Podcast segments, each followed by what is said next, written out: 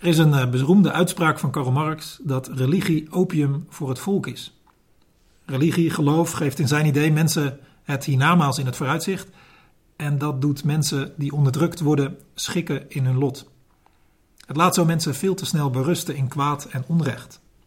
Religie biedt dan de troost van een hemelse toekomst, maar het kwalijke is dan dat mensen zich niet inzetten om, het om in het hier en nu onrecht aan te pakken. Volgens Marx is geloof, religie dus als opium, een verslavende troost, een verslavend idee dat veel schade doet. Karl Marx heeft een punt. Religie kan zo werken. En er zijn varianten van het christelijk geloof waar het zo werkt. Maar goed christelijk geloof, het geloof dat groeit uit de Bijbel, zit heel anders in elkaar. Geloof in de God van de Bijbel maakt je juist alert op onrecht. Geeft je de moed en de kracht om onrecht te benoemen en aan te pakken. Het doet je er niet in berusten, maar juist er tegen opstaan. En Psalm 10, waar we vandaag bij stilstaan, die leert ons zelfs dat je de stelling van Marx kunt omdraaien. Ongeloof, atheïsme, dat is misschien wel opium voor het volk. Want het idee dat er geen God is, geen hoogste instantie, doet je geloven dat er niemand is die terugkomt op je daden. Dat doet je suggereren dat je zomaar weg kunt komen met je kwaad, schuld, geweld. Niet rekenen met God, dat is een verslavende geruststelling die vreselijk veel schade veroorzaakt. Kijk maar naar bijvoorbeeld Mao, Pol Pot of Stalin. Psalm 10 kende ook al mensen die beneveld waren door het idee dat God er niet was. Of in ieder geval hen nooit ter verantwoording zou roepen. En de bidder van Psalm 10 heeft veel te lijden onder zulke mensen.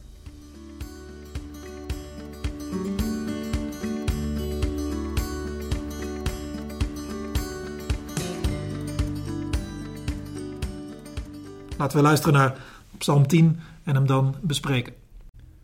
Waarom, Heer, bent u zo ver? En verbergt u zich in tijden van nood? In hun hoogmoed vervolgen zondaars de zwakken. Maak hen gevangen van hun eigen plannen. De mens zonder God prijst wat hij najaagt.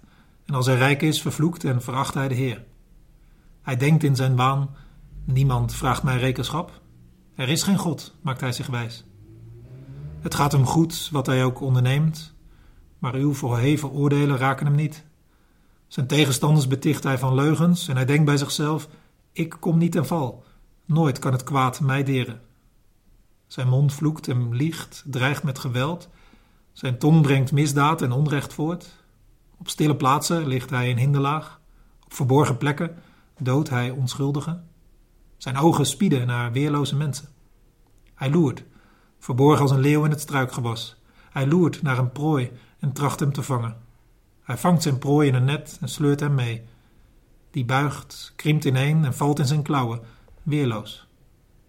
Hij denkt bij zichzelf: God vergeet het. Wendt zijn blik af. Ziet het niet. Sta op, Heer. Hef uw hand, God. Vergeet de armen niet. Hoe kan de zondaar u verachten en denken: God vraagt geen rekenschap? Toch ziet u de pijn en het verdriet. U merkt het op en weegt het in uw hand. Op u vertrouwen weerloze mensen. De wezen, u komt hun te hulp. Breek de macht van de goddeloze. Eis rekenschap en ban het kwade uit. De Heer is koning, voor eeuwig en altijd. Vijandige volken verdwijnen uit zijn land. U, Heer, verhoort de wens van de nederige. U bemoedigt hen en luistert met aandacht. U doet recht aan wezen en verdrukte. Geen mens kan hen nog uit het land verjagen.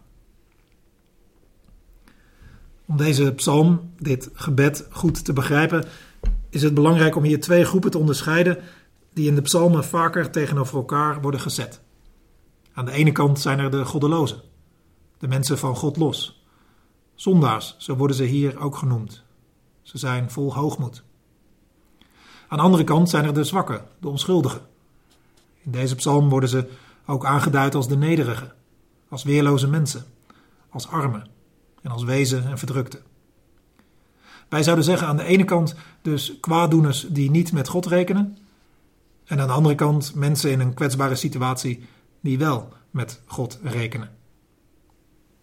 De bidder van deze psalm hoort zelf bij de groep kwetsbaren die met God rekenen.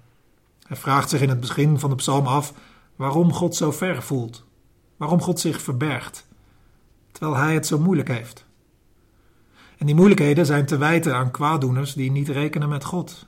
Ze zeggen het ook hardop. Niemand vraagt mij rekenschap, er is geen God. Vers 4. Ze denken dat ze onaantastbaar zijn.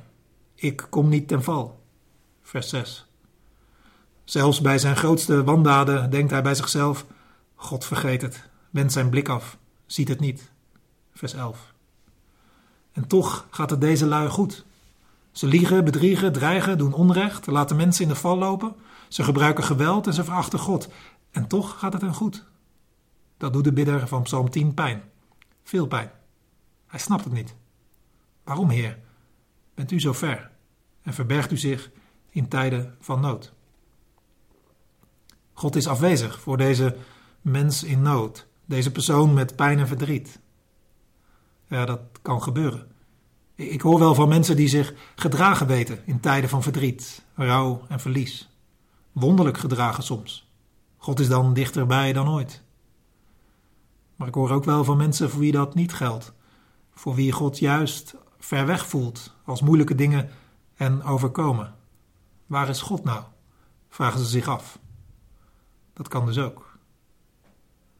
Waarom God zich dan verbergt, moeilijk te zeggen.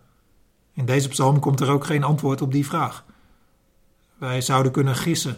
Misschien is God niet ver weg, maar lijkt het zo. Misschien kijken we verkeerd op zulke momenten. Misschien is Hij ver zodat we verder zouden zoeken. Meer zouden bidden, roepen, verlangen. Misschien. Maar misschien ligt het ook heel anders. En heeft God redenen die wij niet kennen. God geeft lang niet altijd uitleg. Ook niet in tijden van nood. Maar de vragen mogen zeker gesteld worden, geroepen worden. Dat leert deze psalm, psalm 10, ook weer. Mocht je jezelf in tijden van nood en verdriet afvragen waar God is, zeg het, roep het maar. Begin er in je gebeden maar gelijk mee. Stel je vragen en uit je klachten. Deze psalm 10 houdt het niet alleen bij vragen stellen of zijn nood uitspreken. Dat gebeurt in het eerste deel. In het tweede deel, vanaf vers 12, roept de bidder ook om een ingrijpen van boven. Dat leren de psalmen zo vaak en zo ook psalm 10. Om niet zomaar te berusten in ellende of scheve verhoudingen of kwaad. Nee, ze leren ons om naar de hemel te roepen. Ze leren ons te smeken om recht. Ze leren ons het op te nemen voor weerloze mensen. Psalm 10 doet dat in allemaal korte zinnen, gebiedende wijs. Op die manier roept hij naar God.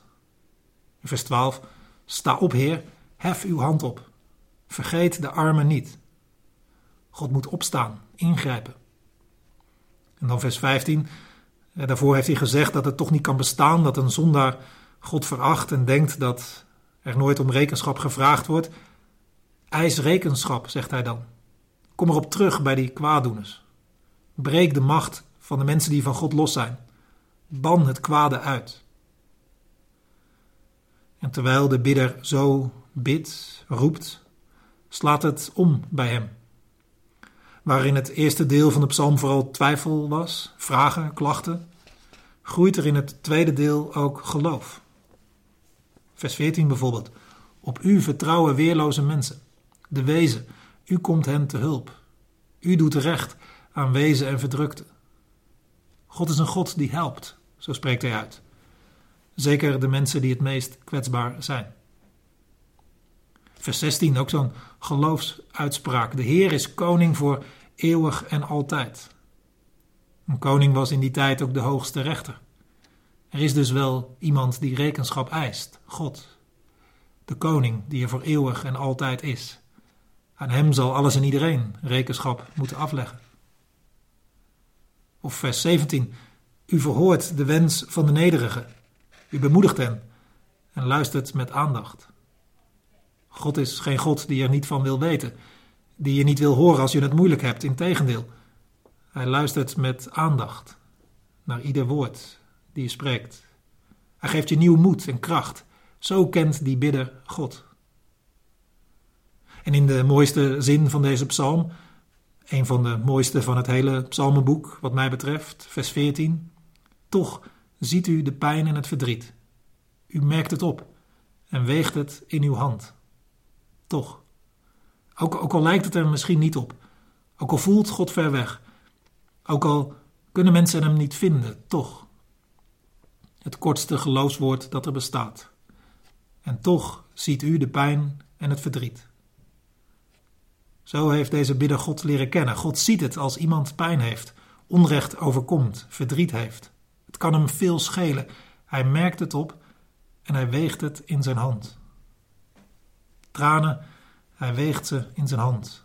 Pijn, hij weegt het in zijn hand. Wat, wat een geloof uiteindelijk van deze bidder. En hij geeft ons zo allemaal uitspraken om na te bidden, om je aan op te trekken, om ze al biddend tegen God en tegen jezelf te zeggen.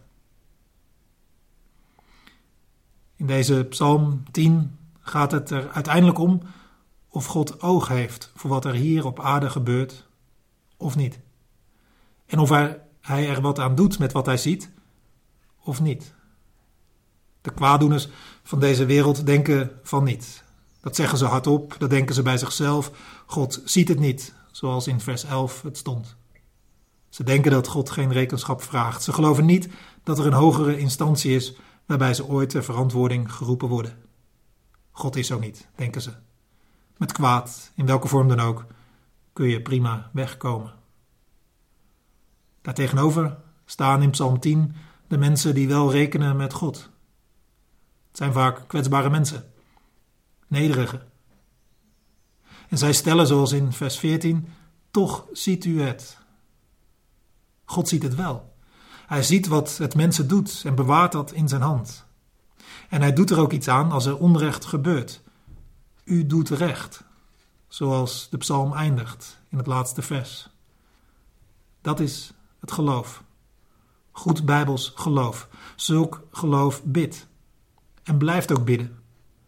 Ook als God afwezig lijkt of als het moeilijk is. En al biddend wordt dat vertrouwen dan weer versterkt. Biddend kom je erachter dat God je toch ziet. Bedankt dat je luisterde naar de Noorderlicht Rotterdam podcast. We hopen dat je er iets aan had. Je kunt alle afleveringen beluisteren via Spotify, Apple Podcasts, Google Podcasts en natuurlijk via www.noorderlichtrotterdam.nl. Heb je een verzoek voor een onderwerp of heb je een idee voor een gast in de podcast? Stuur dan een mailtje naar podcast.noorderlichtrotterdam.nl of vertel het ons via Twitter. En misschien kun je ook een kijkje nemen op ons YouTube-kanaal. Tot de volgende keer.